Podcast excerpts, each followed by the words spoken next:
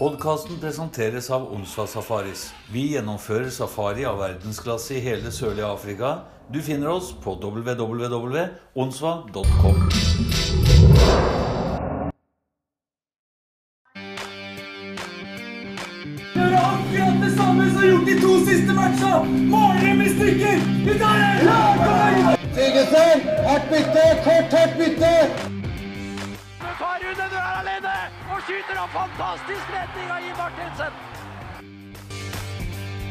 Forbanna kokos.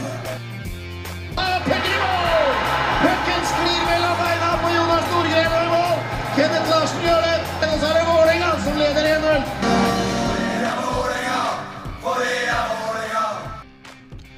Hjertelig velkommen til episode sju av podkasten Blant kokos og kålrabi. Jeg er Odd Magne Doseth. I dag skal vi avslutte et tiår, et hundreår og et tusenår. Først nyhetene. Gardermoen åpnes for vanlig trafikk. Berlin blir hovedstaden i Tyskland. Marius Müller omkommer i en bilulykke, og det samme gjør lady Diana. Norge slår Brasil 4-2 i en treningskamp på Ullevål. Før de igjen møtes i VM, og Reka skårer på straffe, sørger for 2-1-seier. Mike Tyson biter øret av Evander Holyfield. Norge slår Frankrike og blir verdensmester i håndball for kvinner. Norge arrangerer A-VM i ishockey, og Tsjekkia blir verdensmestere. Vålerenga hockey avslutter 90-tallet med stil. To strake NM-gull, og vi har nå 20 bøtter.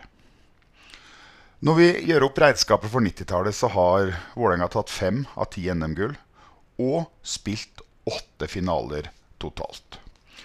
Sjøl om Storhamar tok tre NM på rad, går vi inn i et nytt årtusen med trua på mer gull. På midten av dette tiåret hangla det litt med økonomien, men det blei tatt grep. Nye investorer kom til og berga klubben, sammen med supportere og faktisk også spillere som jobba dugnad for å hjelpe Vålerenga.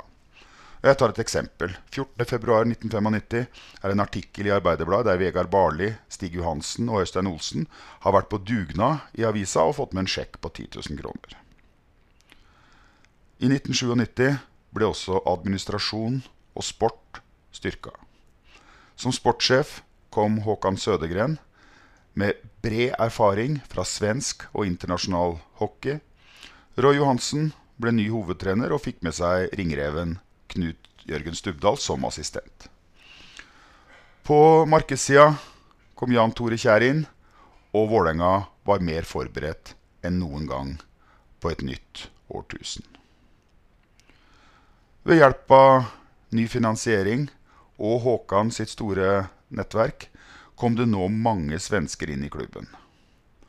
Sjøl mener jeg at dette er eksempel på veldig god rekruttering. I tillegg til kvalitet så Håkan etter typer som var sultne, og som han visste ville skli inn i miljøet. Alle svenskene som kom inn, var gode spillere og produserte poeng, og de sklei godt inn i dette spesielle Vålerenga-miljøet. Vi kan ta et eksempel. Håkan visste at den 25 år gamle bekken Johan Åkermann slet med spilletid og sjøltillit i AIK. Han signerte med oss, gjorde 100 poeng på to sesonger, tok med seg to NM-gull, returnerte til Sverige og Skellefteå, der han ble en dominerende spiller, og seinere fikk han også debuten sin på det svenske landslaget. Sammen med Hasse Abrahamsson, Johan Brummer, Magnus Hermansson, Niklas Gjelstedt, Erik Ryman, Patrick Englund og mange flere, så danna disse sammen med en allerede solid norsk stamme et mesterlag. I 97-98 ble Vålerenga seriemestere foran Storhamar, og vi feide dem også av isen i finaleserien med 3-0 i kamper. Neste sesong ble sett og vis jevnere. Eh, vi blei seriemestere, riktignok med større margin enn året før, men finaleserien blei veldig, veldig intens. Storhamar tok ledelsen 2-0 i kamper, før Vålerenga mobiliserte alt som var, og tok tre strake kamper på rad. Vi avslutta 90-tallet med NM-gull nummer 20. Storhamar var en skikkelig rival på 90-tallet, og det skulle fortsette. Men av og til så blei det, etter mitt syn, litt for mye. Vi møtte de i serie, i sluttspill, og på den tida så var det et tullete system med bonuskamper. Der tabellnaboene spilte ekstra kamper mot hverandre flere ganger i sesongen. Hensikten med det var sikkert vel og bra, men ideen var i utgangspunktet dårlig. Og heldigvis så blei vi kvitt de kampene. Nå skal vi snakke med en som var med på dette skiftet i Vålerenga. Vi er klar for dagens gjest. Nu är det hockeyfeber, VM, vi ska försvara vårt guld Håkan Södergren med pucken. Fin dribbling, en bra tunnel. Håkan Södergren och Roger Lindström har en privat fight här nere i sarghörnan. Håkan Södergren bryter sig loss. Tommy Mört tar pucken och Södergren dyker upp där vid stolpen och slår in 2-2.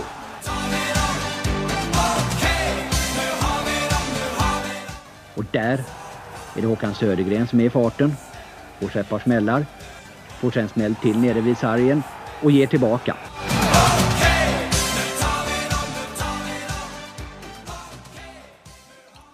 Dagens gäst är ingen vem som helst i svensk eller internationell ishockey.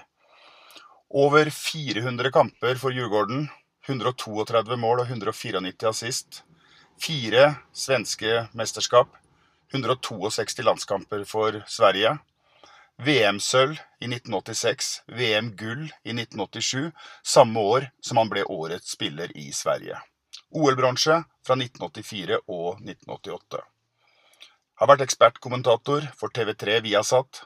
Sportssjef, manager for Vålerenga fra 97 til 2004. Det ga fem NM-gull. Har vært sjef for elitehockey og en viktig bidragsyter til norsk ishockey. Han har også vært vokalist på den svenske hockeyhiten Nutavidom. Velkommen, Håkan Södergren. Ja, tackar du. Det är nästan som man blir lite imponerad av sig själv när du läser sådär flickor. Det, det, det, det tar nesten lengre tid å lese CV-en din enn å skrive min. ah, det tror jag inte. Det tror jag inte. Nei, jeg har eh, hatt seks episoder med podkast, og nå har jeg intervjua hauger av norgesmestere og svenskemestere. Og nå tenkte jeg det var på tide å intervjue en verdensmester. Ja, tre- trevligt. Ja, nej, men du är varmt välkommen Mange. Det ska bli spännande att höra vad du har på hjärtat. Ja, ja, ja. ja. Nei, det er eh, først og fremst så Eh, vi ga jo litt på CV-en din fra, fra Djurgården, og du har spilt i Djurgården hele livet. Ja, jag, eh, jag är uppfödd eh, tre mil norr om Stockholm i en drabantby, eller en liten, en liten drabantby ska jag inte säga, men en, en litet, litet samhälle med 2000 invånare som heter Rosersberg. Och när det vart för litet och eh, när jag så att säga fick lite större ambitioner på hockeysidan så började jag ta pendeltåget och bussen in från när jag var 13 eh, till eh, ända till jag var, ja jag slutade spela Djurgården när jag var 30, 31 eller 32 faktiskt. Så att eh, det vart några säsonger totalt i, i klubben. Ja, Håkan, vi ska prata mycket om eh, Vålerenga och andra ting, men eh, först så är jag intresserad i att höra lite om eh, dig och landslag och VM. Og eh, Ja. spesielt VM 86 i Moskva. Det husker jeg veldig godt, for da hadde vi C-pulja og spilte mot Bulgaria, Romania Kina. Men eh, jeg hadde pappaledig, og jeg var veldig interessert i, ho i hockey og holdt med Sverige. Mm. Og, og dere hadde jo et fantastisk lag til VM 86. Ja, det hade vi väl egentligen, men det, det som var lite rart där faktiskt, det, det, var, det var en rätt stor generationsväxling för 85, jag drar ett år innan, så gjorde vi inte speciellt bra. Eh, Leffe Bork hade oss, fick sparken för vi höll på att rycka ur faktiskt. Och eh, det innebär att det har varit en, en eh, generationsväxling som jag sa och eh, tämligen ungt lag som vi drog till Moskva med. Och Moskva var ju nästan aldrig populärt så att det var inte speciellt många proffs som kom hem till exempel. Utan det var några enstaka unga killar som just hade dratt dit och som, som eh, kom tillbaka också. Så att vi hade väl egentligen inte så stora förhoppningar om ett resultat. Men eh, det vart ju faktiskt jäkligt bra och, och jag brukar alltid säga det att det, det är faktiskt det VM, det laget som jag tycker har eh, varit det bästa som jag faktiskt har spelat i. Ja. Och, och det jag husker speciellt gott är ju den fantastiska kampen mot Finland, som också var avgörande. Där det ligger under med 4-2 og klarer 4-4 med ti sekunder igjen. Kan ikke du si litt om det? For du var jo på isen da også, var du ikke det? Ja, då, jag var på isen bägge skåringarna på slutet där. Och det var lite rart för att Masken gjorde ju 3-4.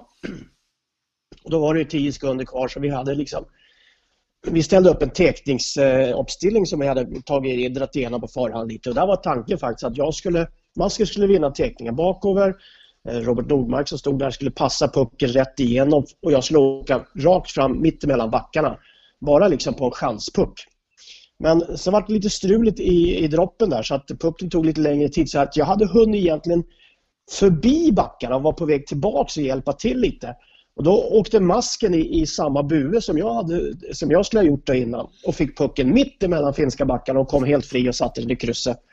Så att eh, det, det, det, var genomtänkt men det var lite händigt då så med tanke på att det var eh, det var en situation som egentligen var eh, lite senare än vad det var tänkt.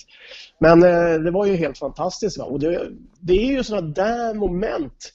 Dels så kommer alla människor runt omkring ihåg det men sen har det blivit någon form av sanning egentligen mot finska lag för att Tre Kronor har gjort exakt samma sak och vänt stora underlägen mot Finland i sluten fyra, fem, sex, sju olika gånger. Och, och egentligen så var det just här det startade. Finnarna fick någon knäck av den här situationen och många så att säga, som spelar fortfarande kommer ihåg den och, och relaterar till den vid tillfällen. Mm. Og, og, og, den uh, utligningen ble jo også avgjørende for uh, sølvmedaljene. Ja, den vart ju det, för då gav vi oss ett slutspel och eh, sedermera så faktiskt den, nästan, eller ja, det vart en ren final mot Sovjet då på hemmaplan. Och vi hade faktiskt 2-2 till långt eh, in i tredje perioden. Och då kom eh, din favorit Thomas Sten faktiskt och satte en puck i stolpen. Och hade den gått in då, då hade vi blivit världsmästare redan 1986 då. Mm. Men eh, returen på det stolpskyddet det gick rätt ut och ryssarna kontrade och så tror jag var det Bykov som gjorde 3-2 i, i det läget. Mm. Så att eh, det var liksom, det var lite, Eh, lite ödets lott då, men vi fick ju som sagt betalt året efter istället tillbaks. Ja, nej, du, du säger att uh, Thomas Steen var min favoritt. Det, men ska jag vara helt ärlig med dig eh, Håkan, så jag, jag var stor fan av Sverige på den tiden och hållit med Sverige i alla mästerskap och, och syns att Sverige hade väldigt, väldigt bra spelare. Uh, men uh, historien med Thomas Steen är ju att jag hade ju Detta var 15. april, då spelade dere mot Tjeckoslovakien. Og, mm. og, da hadde jeg som sagt pappaperm, og jeg satt hjemme. og og moren var ikke helt fornøyd, for hun mente jeg skulle brukt mer tid på å være med og hjelpe å finne et navn til kilden. Og så sier jeg, henne, sier jeg til henne at uh, da gjør vi det enkelt. Da kaller vi han opp etter den første svensken som skårer, og da skårte Thomas Steen. Så da ble det Thomas.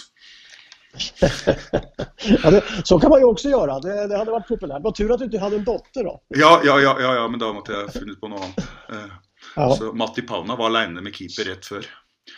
Uh, ja, ja, ja, okej. Okay. Ehm, men i det VM Eh, Eh, eh, Håkan, så Det var jo et par sesonger før så var det jo noen artikler om deg i svensk presse at du var en buse, och at de var tvilsomme til å ta deg med på, på mesterskap. Men eh, i 86 så var du den tredje beste svensken i poengligaen, og du hadde to utvisningsminutter. Ja, precis. Eh, nej, det, det kom ju lite ifrån eh, 81, 82, 83 så spelade vi i Djurgården väldigt tuff ishockey och, och jag var kanske en av de som, som var eh, mest eh, vansklig att göra med så att säga. Mm. Så att, eh, det, det släpade ju efter lite där. Men eh, vi var ju väldigt bra i Djurgården. Vi vann också 83 till exempel och vi var i final 84, 85 och vi var faktiskt väldigt, den spelstilen fungerade väldigt bra på den tiden. Mm. Eh, och det var ju några incidenter egentligen när det var rena slagsmål och en, ett, en episod mot AIK där en, en spelare var skadad i, motståndarlaget. Så det, det, hängde ju i där. Men å andra sidan så ända sedan alltså OS 80, VM 83, OS 84 så gjorde jag 2-0 målet i kan mot Kanada i bronsefinalen. Mm. Eh, alltså varje mästerskap som jag var med så var vi väldigt bra den linjen jag fick vara med och spela i. Så att det var ju aldrig något tvivel egentligen tror jag från landslagsledningen eller liknande men i pressen så var det ju så var det något speciellt att liksom bygga på för dem hela tiden. Ja, det man, man må räkna med lite från pressen. Ja, precis. Det, det, det är alltid det. Va? Den, den tredje statsmakten. Ja, inte sant. Ja, det var nytt VM i 1987 och den gången var det i, i Wien. Och då gick det ju riktigt Ja. bra. Ja, det gjorde det. Och, eh, men, men det var ju alltså, vi hade ju lite trassel. Bara för att dra det lite längre då, som sagt, så, I och med att vi hade tagit silver 86 så var ju liksom eh, ambitionsnivån lite högre. Eh, och den var ju inte ännu mindre än när vi besegrade faktiskt Sovjet för första gången på 50 strake tap. så vann vi en kamp mot dem i Stockholm precis innan VM i Wien. Så när vi åkte ner till Wien, då var vi nästan lite favoriter hos hjemmepublikum om inte annat. Men sen kom vi ner och, och där fick vi liksom lite betalt tillbaka tillbaks av finländarna för vi tappade den kampen där nere i, mot dem som var en väldigt, väldigt nyckelkamp egentligen med 4-2. Och vi var faktiskt på väg ut eh, ur turneringen och inte ens gå till slutspel. Eh, men då inträffade det lite protester emot, eh, från tysk sida. Nej, finländarna slog Tyskarna slog finländarna och finländarna protesterade. Och då skulle alla resultat göras om på ett eller annat sätt och då hade vi hamnat utanför slutspelet. Men eh, till slut, efter faktiskt en rättslig process i någonting som kallades Landesgericht i, i Wien i Österrike, så eh, vart allt det här klart och eh, vi hamnade i, i slutspelet då som, eh, jag tror vi kom in som tredje lag eller något sånt där. Så att vi var lite, vi hade lite hjälp från, eh, från rättssystemet men eh, egentligen så hade vi på egna villkor tagit oss dit tror jag faktiskt att det var. Ja. Och i finalespelet så var det, där spelade dere uavgjort både mot Sovjet och Tjeckoslovakien. Ja, framförallt eh, Sovjetkampen är ju rätt berömd i och med att eh, det som sagt eh, vi visste ju då alla vad det betydde. Eh, och vi hade som sagt brutit den där eh, för, förbannelsen innan i och med att vi hade, vi hade vunnit mot dem i Stockholm på tränings, sista träningskampen. va. Så att det, det var eh, rätt så högt ställda förväntningar på oss. Och så för en gångs skull var vi, vi var bättre än Sovjet hela tiden. Då. Och, till slut i slutändan så är kanske ett av de mest berömda målen i svensk ishockeyhistoria. Så gör ju Thomas Sandström efter ett fantastiskt passningsspel, bland annat från Bengt-Åke Gustafsson och Anders, eller, att, eller eh, Albelin och eh, Håkan Loob. Så lägger han in pucken i öppen kasse. Va? Så att det, det, det 2-2 målet där, det, det vevas varje år nästan på TV i, vid något tillfälle. Mm. Men så er det også en seier 9-0 mot Canada. Hvordan är er det mulig? Ja, eh, men du har ju sådana där matcher egentligen när allting flyter och det hade vi ju här. Eh, Kanada har ett bra lag. De hade också ett eh, läge på att ta en medalj och eh, det var också lite sådana här eh, efterdyningar efter Moskva B86, då, för då hade de kört över vår målvakt på den matchen och, och varit spelat riktigt, riktigt styggt mot oss för att försöka besegra oss. Och, vi var ju lite förberedda på det så att vi, vi trampade ju gaspedalen i botten och eh, gick ut hårt som sjutton och vi fick hål på dem tidigt. Och på något vänster så eh, allting flöt så att 9-0 till slut alltså det var eh, det var, inget, det var inte så att de la av eller någonting, det var bara att vi hade den dagen. Va? Det, allting flöt, allting studsade vår väg. Mm. Og da ble dere verdensmestere. Ja, och vi vart ju det i kavaj då som man säger i Sverige, i dressjackor. För vi stod på tribunen och tittade på matchen till eh, Tjeckien och eh, Sovjet. Va? Och Tjeckien tog ledningen och det var inte bra för då hade, då hade de vunnit, vi tagit silver och, och ryssarna fått brons.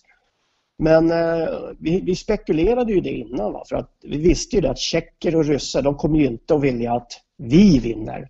Utan på något vänster så kommer antingen tjeckerna vinna eller ryssarna vinna. Mm.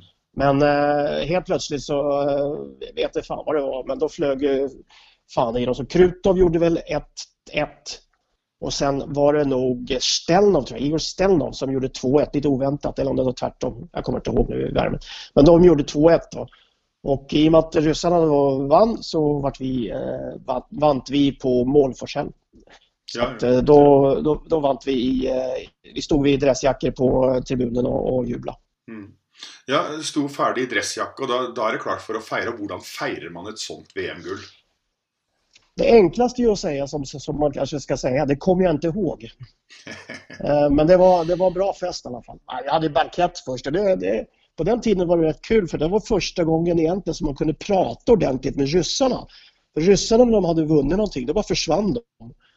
Eh, de åkte på något vänster och handlade eller något sånt här och fixade saker. Men nu när de inte hade vunnit, då var, de helt, då var det mycket enklare att prata med. Så att vi, vi festade faktiskt en, en del med dem på banketten. Men sen drog vi ut på byn då som sagt i, och, och där var det lite där var det lite ja, det hände lite roliga saker, lite roliga episoder. Bland annat så stötte vi ihop med kanadensarna på stan. Och det var, det var riktigt kalabalik faktiskt. Men eh, det löste sig alltid till slut. En, en svensk tennisspelare som heter Mikael Pernfors mm. som var med då. Han, eh, han dök upp och la in sitt, eh, sitt American Gold Express i baren och så löstes alla problem som hade varit innan. Ja, ja, ja, Nej, men det är bra. Ja. ja. men, det, men eh, det 87-laget var ju också ett fantastiskt lag. Eh, du har ju nämnt spelare som Thomas Sandström, Bengt-Ove Gustafsson, Håkan Loob. Ja. ja, och många av de här killarna, vi var ju då alltså i, i runt 28, 26, 27, 28, 29 år. Mm. Hade gjort en 3-4 VM, ett par OS, Canada Cup. Alltså massa olika erfarenheter. Många hade varit proffsborta i Nordamerika. Allting. Så att det var, vi, ja, det, det låter, man kanske skryter lite, men vi, vi var jävligt bra så helt enkelt. Vi var ett mycket bra lag. Ja. Och det här var ju då i den här sista skälvande stunden som eh, kommunismen och, och, och Sovjetsystemet då kanske var som starkast också. Så ishockey-VM sista halvdelen av 80-talet det är bland det värsta som har upplevts skulle jag vilja säga. Både alltså när det gäller eh, ja, tuffhet, råhet, eh, allt möjligt då som sagt. För det var då öst mot väst på en hel del och så stod vi och Finland i mitten och, och det, var, det var riktiga holmgångar i VM-turneringar. Ja, den kalla krigen blev också utspilt på is. Ja, ja, definitivt alltså. Men i det VM så var du också nummer fyra på den svenska poängligan, samma poängsum som Håkan Loob. Ja, ja, precis. Nej, jag, hade, jag hade många fina säsonger där på slutet av 80-talet. Jag fick också Sveriges bästa idrottsman, eller Sveriges bästa ishockeyspelare fick jag pris som eh, 87 och mm. varit utsedd till eh, Stockholms främsta idrottsman och, och, en massa olika personliga utmärkelser. Tillsammans med Bragdguldet fick vi också för att vi vann där. Mm. Så att, eh, nej, det var, det var fina tider att se tillbaka på, inget tvivel om det. Ja. Men så eh, var det slut på ishockeyn. Du jobbade lite som expertkommentator på TV3. Och så hamnade du i Vålerenga. Och hur var det egentligen du hamnade i Vålerenga? Ja, alltså till början med så jag är gift med Anette som är norska eh, och vi träffades 91 på hockey-VM i eh, Finland. Eh, vi fick två söner, eller vi har två söner och vi bodde i Sverige för tillfället då när jag slutade. Och vid tillfället fick Anette faktiskt tillbud om att, att bli sportsanker på TV2 och flytta till Bergen. Men med tanke på att det fanns ingen ishockeylag som var bra nog i Bergen då så, så, så, tyckte jag inte det var någon bra idé.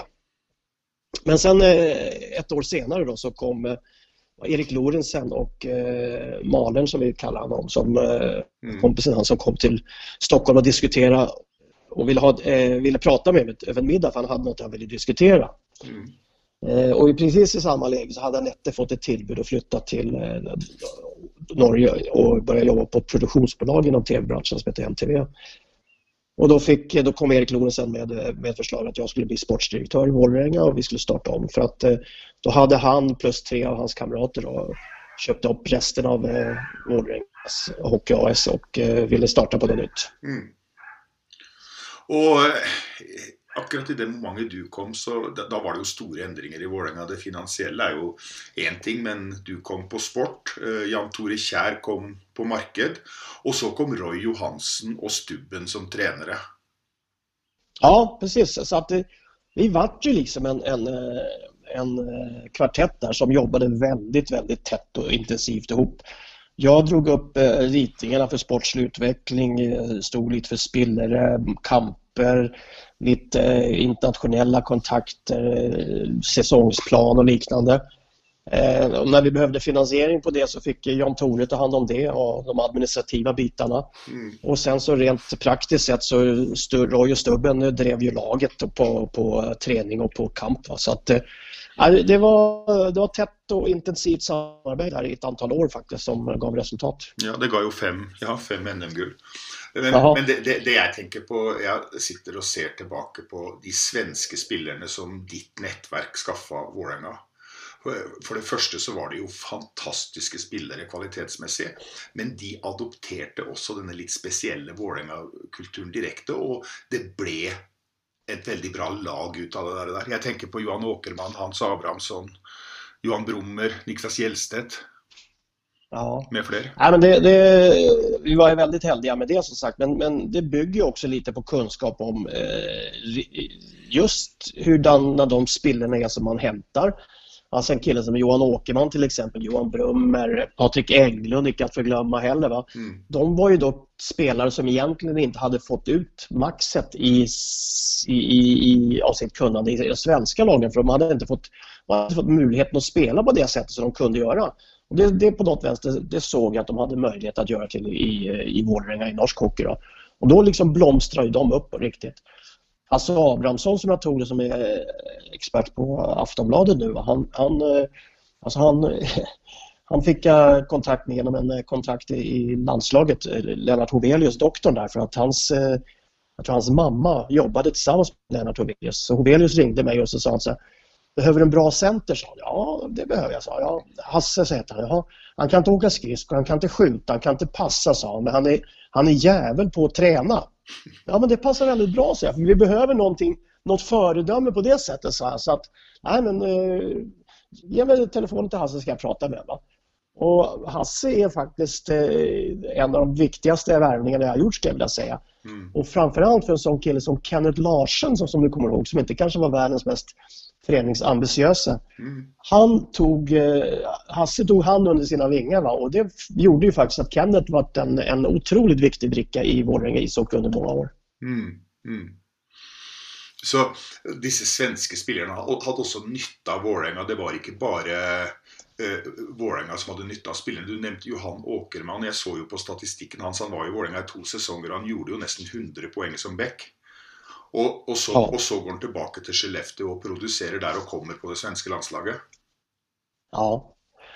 Nej, men det, det är ju det som egentligen, eh, vad ska man kalla det, det, det är det som visar att det finns väldigt mycket, många bra hockeyspelare som har mycket i sig men som kanske inte har möjligheten att få visa det i den miljön som de kommer ifrån för att det finns andra spelare där som är, är duktiga, de får inte tilliten från tränaren och de kanske inte riktigt har kemin med tränaren.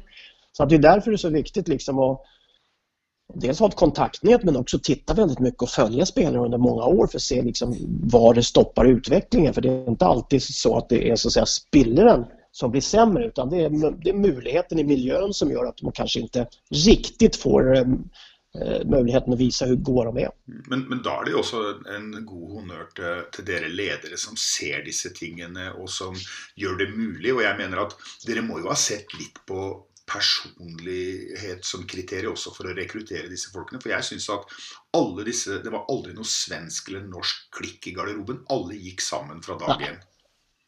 Ja, men, men, men samtidigt så var det ju också det. eh, Och där måste du säga, det, det, det är viktigt att bygga på också.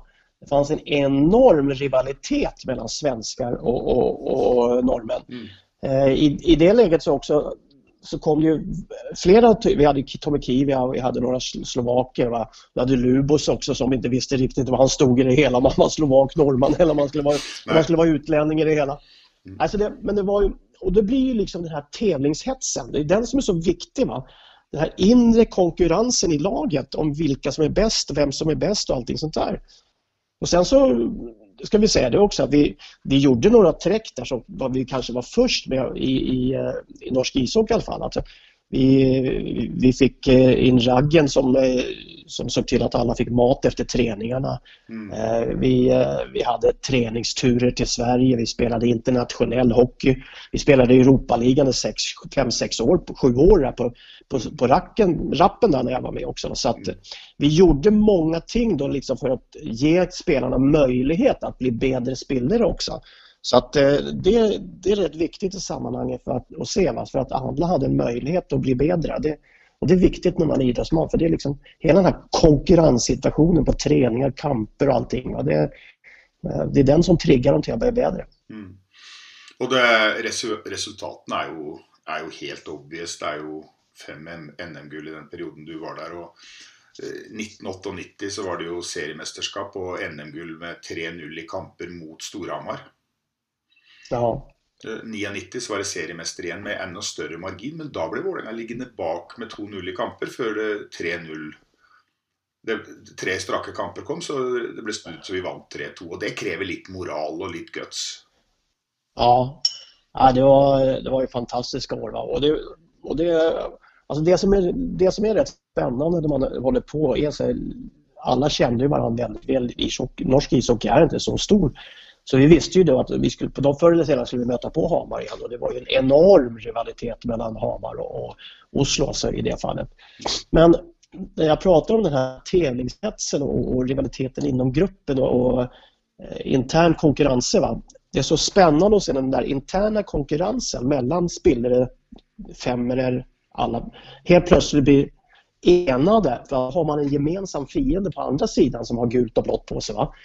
Och det var, det var mäktigt att se i vissa av de här momenten liksom hur, hur mycket viktigare det vart att, att besegra Hamar. Och, och speciellt när man hade lite underläge, liksom, att mm. visa att man kunde vända och snu de där kamperna. Mm. Så att, eh, ja, de, det, var, det var fantastiska upplevelser de kamperna. Och sen det trycket som det var på Jordal på, på Hamar också, ska vi säga. Mm. Det var ju hockeyhysteri alltså. Ja.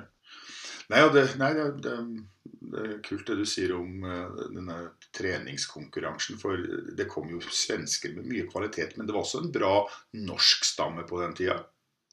Ja, alltså det, de spelarna som man hade inne Alltså Marius Ratt till exempel som kom, var redan inne när jag kom då var ju egentligen lika god som Schampo kanske, mer, mer talentmässigt och allting.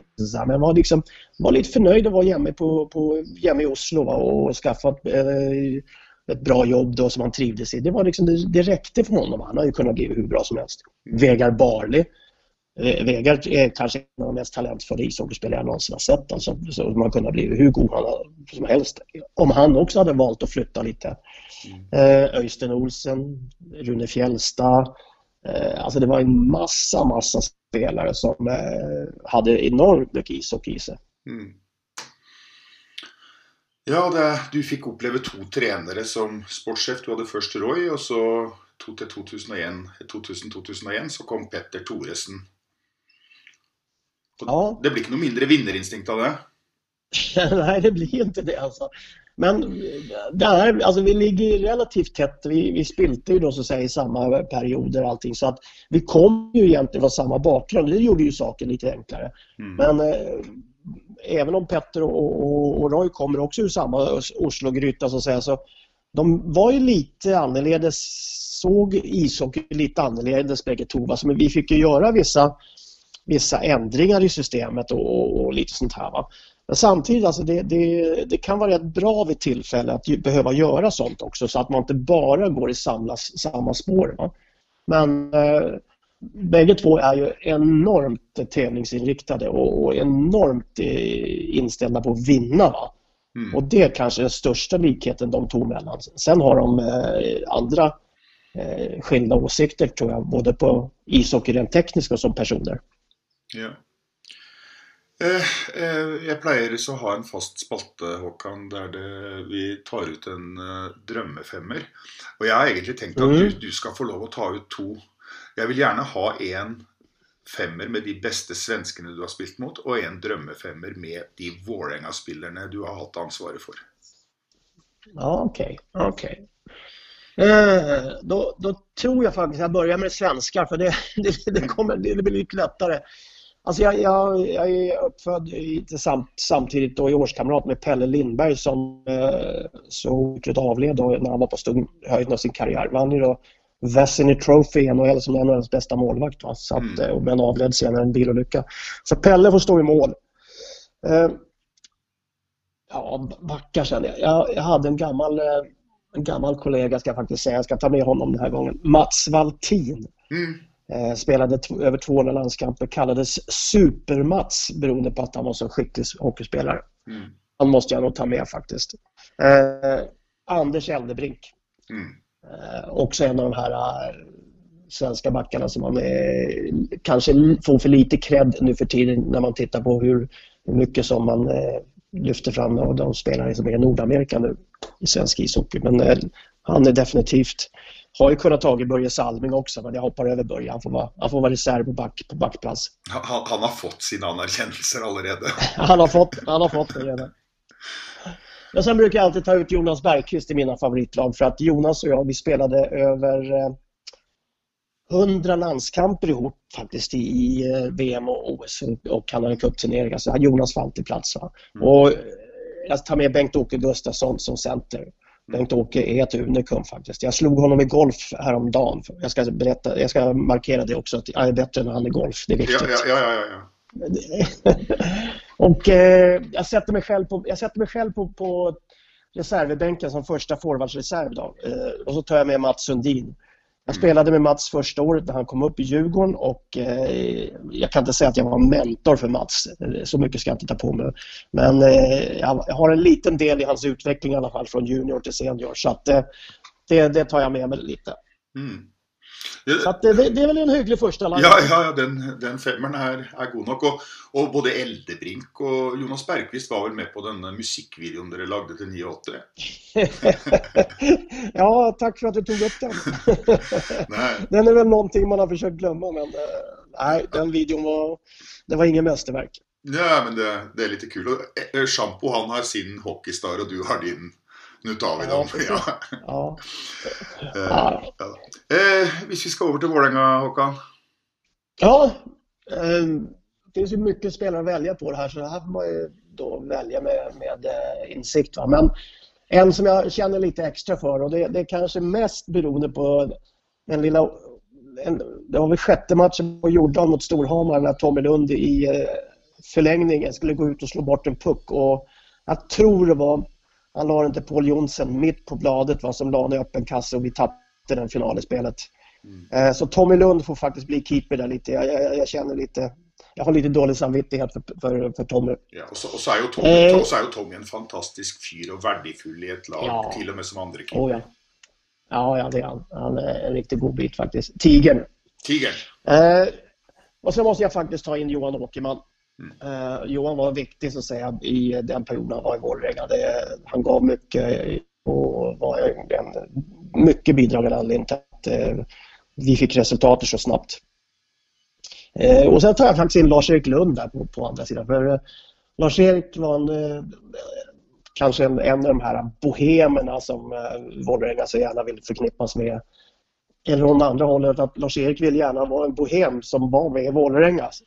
Men gjorde det väldigt bra också. En av de där spelarna som hade otroligt mycket i sig men som kanske eh, hade behövt ta ett skritt ut över, utanför Norge för att bli ännu bättre. Men gjorde det fantastiskt bra och var oerhört viktig för Borlänge i många, många säsonger. Även efter att jag hade slutat där.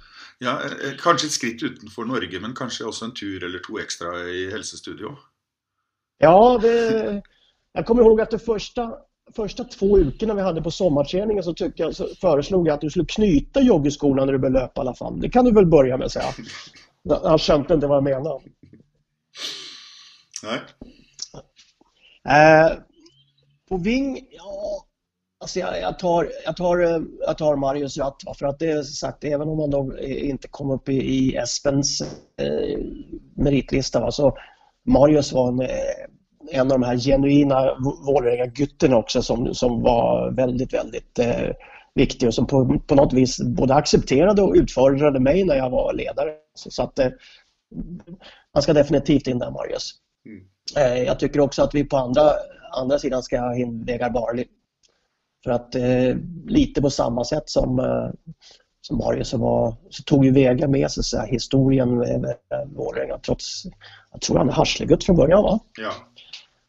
Men eh, han, eh, så säga, han förde med sig de gamla, gamla Vålerenga eh, minnena så sagt och sen så tog han med sig det in och, var väldigt eh, avgörande i många kamper.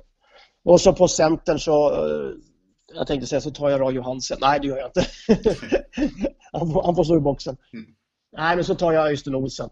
Mm. Eh, jag tycker att jag vill ha in Öystein här på något vänster. Det är lite också, han personifierar lite det hela. Hade kunnat tagit eh, någon annan, men jag tror jag må, jag må få in Öystein där. Mm. Ja, jeg er i gang med å gjøre, gjøre et intervju med Øystein, så jeg, jeg skal formidle den, den beskjeden. Men Øystein har jo vært Øystein, og, men det har også vært sånn at alle lagkameratene har veldig mye bra å si om Øystein. Han er en trygghet å ha i et lag. Ja, har man Öystein och går i krigen så behöver man inte oroa sig så mycket. Då vinner man ofta krigen. Mm. Så att eh, Öystein är, och han har ju rätt så mycket integritet, va? eller rättare sagt han, han, han driter i vem han pratar med. Alltså, han, eh, han framför sina åsikter och gör det rätt upp. Och, ibland har han rätt och ibland har han fel men eh, han, han är inte rädd för att säga vad han tycker i alla fall. Og han argumenterer for det han mener er riktig. Ja, eller så driter han, eller så driter han i vad du säger. Ja, ja, ja. En av to. Ehm, beste minne du har fra Jordal, Håkan? Ja, det är många va. Eh, jag måste ta upp det även fast inte jag var eh, i, ledarposition då, men det var ju sista kampen på Jordal. Eh, det tycker jag var en fantastisk upplevelse med, med egentligen allt runt omkring. Hela publikums reaktion, alltså gamla klanen-gänget som tror jag till stor del var där också. Och, och just sången och hur alla var kvar efteråt och det verkligen så att säga insåg de liksom hur många minnen man hade från den arenan och de lag som har spilt där i, i. Så att det tycker jag, det, var, det, var, det står fram som någon riktig, liksom, eh, ett riktigt ögonblick. Eh, men sen hade vi också en, en eh, nu kommer jag inte ihåg årtalet, men det, det var då när Espen var på väg ifrån Columbus var det väl till Djurgården.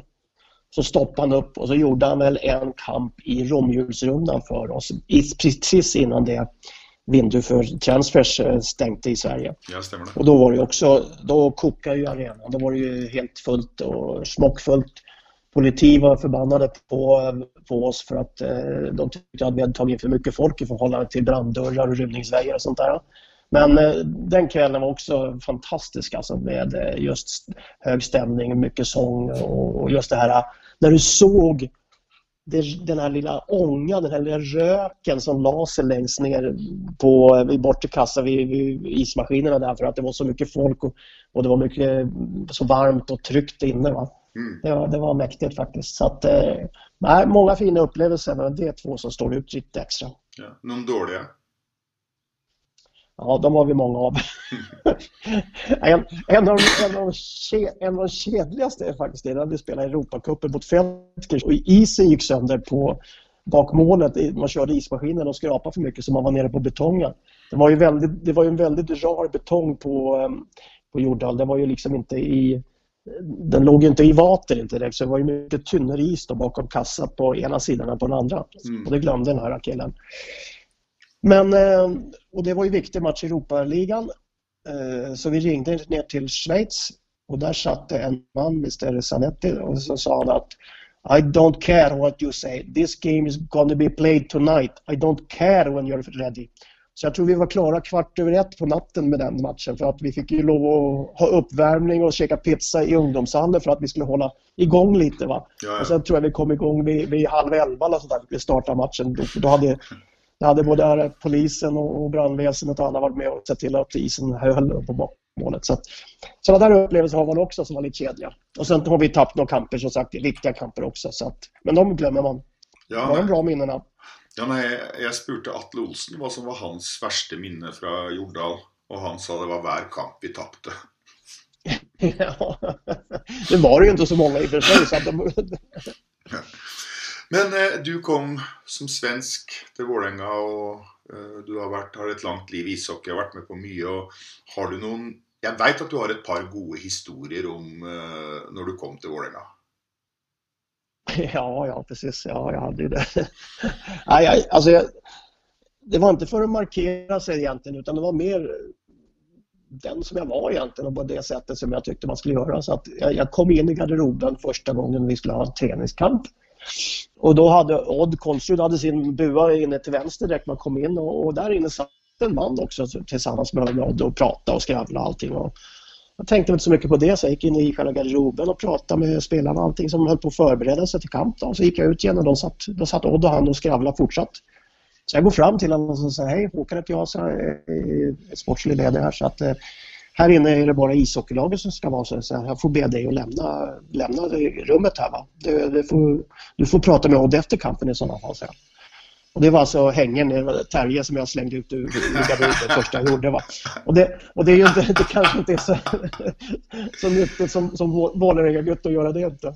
Nej, nej och kasta ut hängen från, från garderoben det, du, du, vet, du, vet, du vet Håkan, det är en gäng som håller på att skriva en bok eh, om Vålerenga til 110-årsjubileet.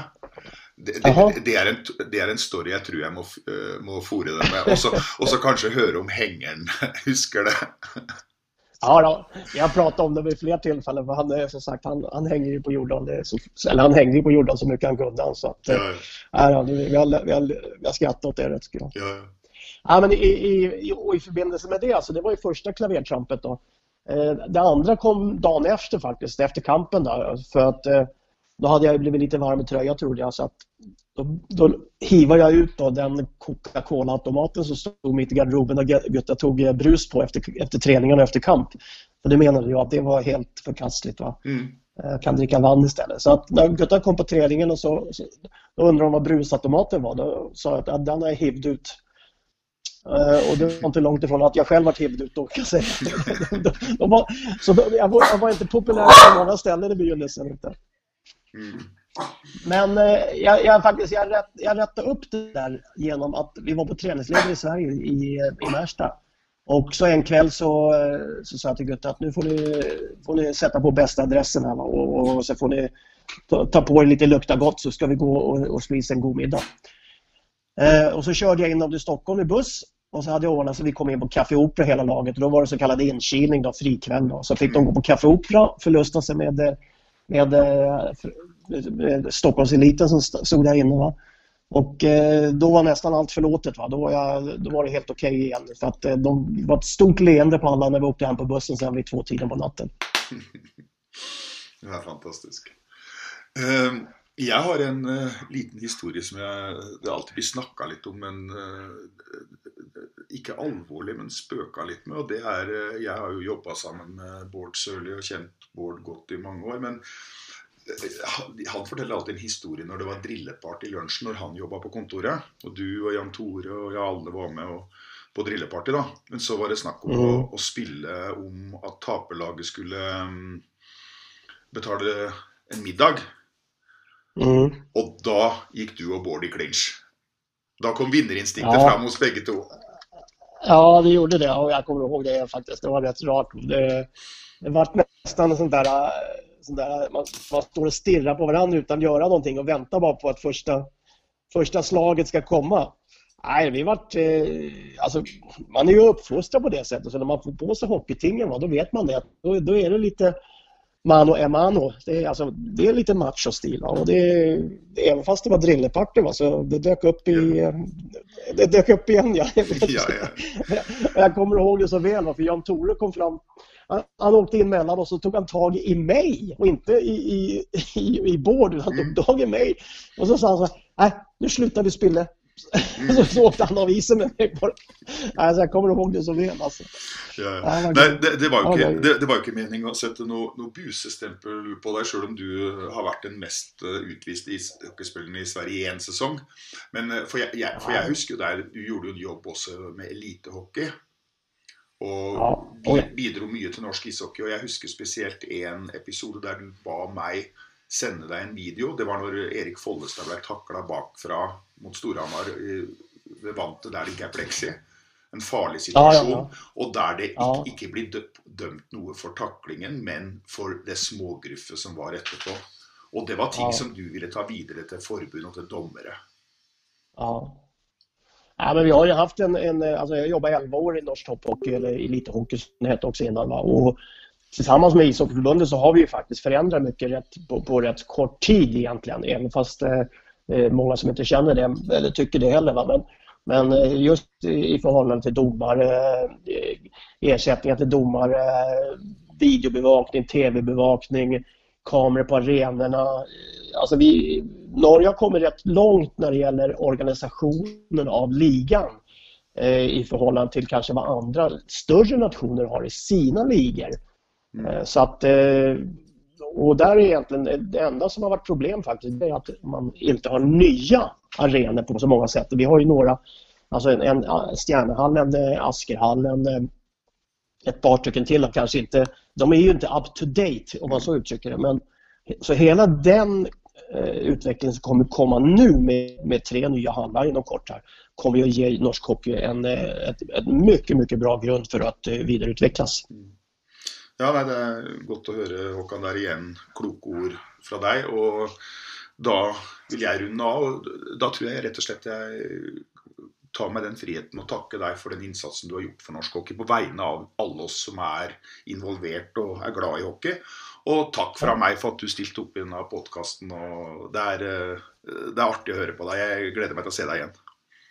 Ja, men tusen tack Odd Mange och eh, ha det så bra. Tack för eh, tiden. Tack ska du ha, Håkan. Vi nämner och hedrar Norgesmästarna i 98 och 99.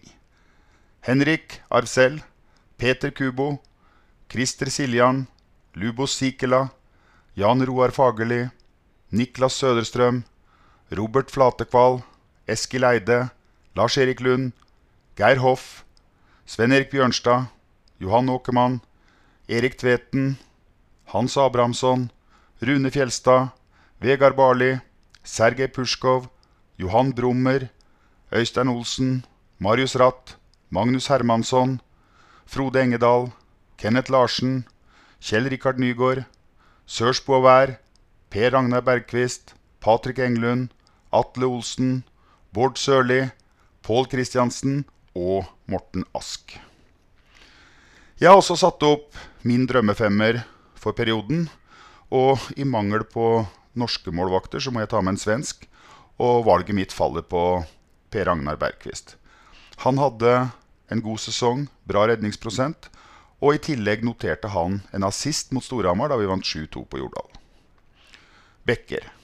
En eller annen gang så må jeg få med Sven Erik Neka Bjørnstad, og det blir nå. Fantastisk bekk med tungt skudd. Han er den eneste jeg veit om som har skåret på slagskudd fra egen sone i fem mot fem. Som makker avviker jeg igjen prinsippet om å bare ha med nordmenn. Jeg må ha en plass til fantastiske Johan Åkermann, og han blir nå med på dette laget. På løpersida blir det bare norsk. Det er som eh, en annen kjent 33 i Vålerenga. Øystein får plass på min drømmefemmer så sant han er i troppen. Det kommer en egen episode med Øystein seinere.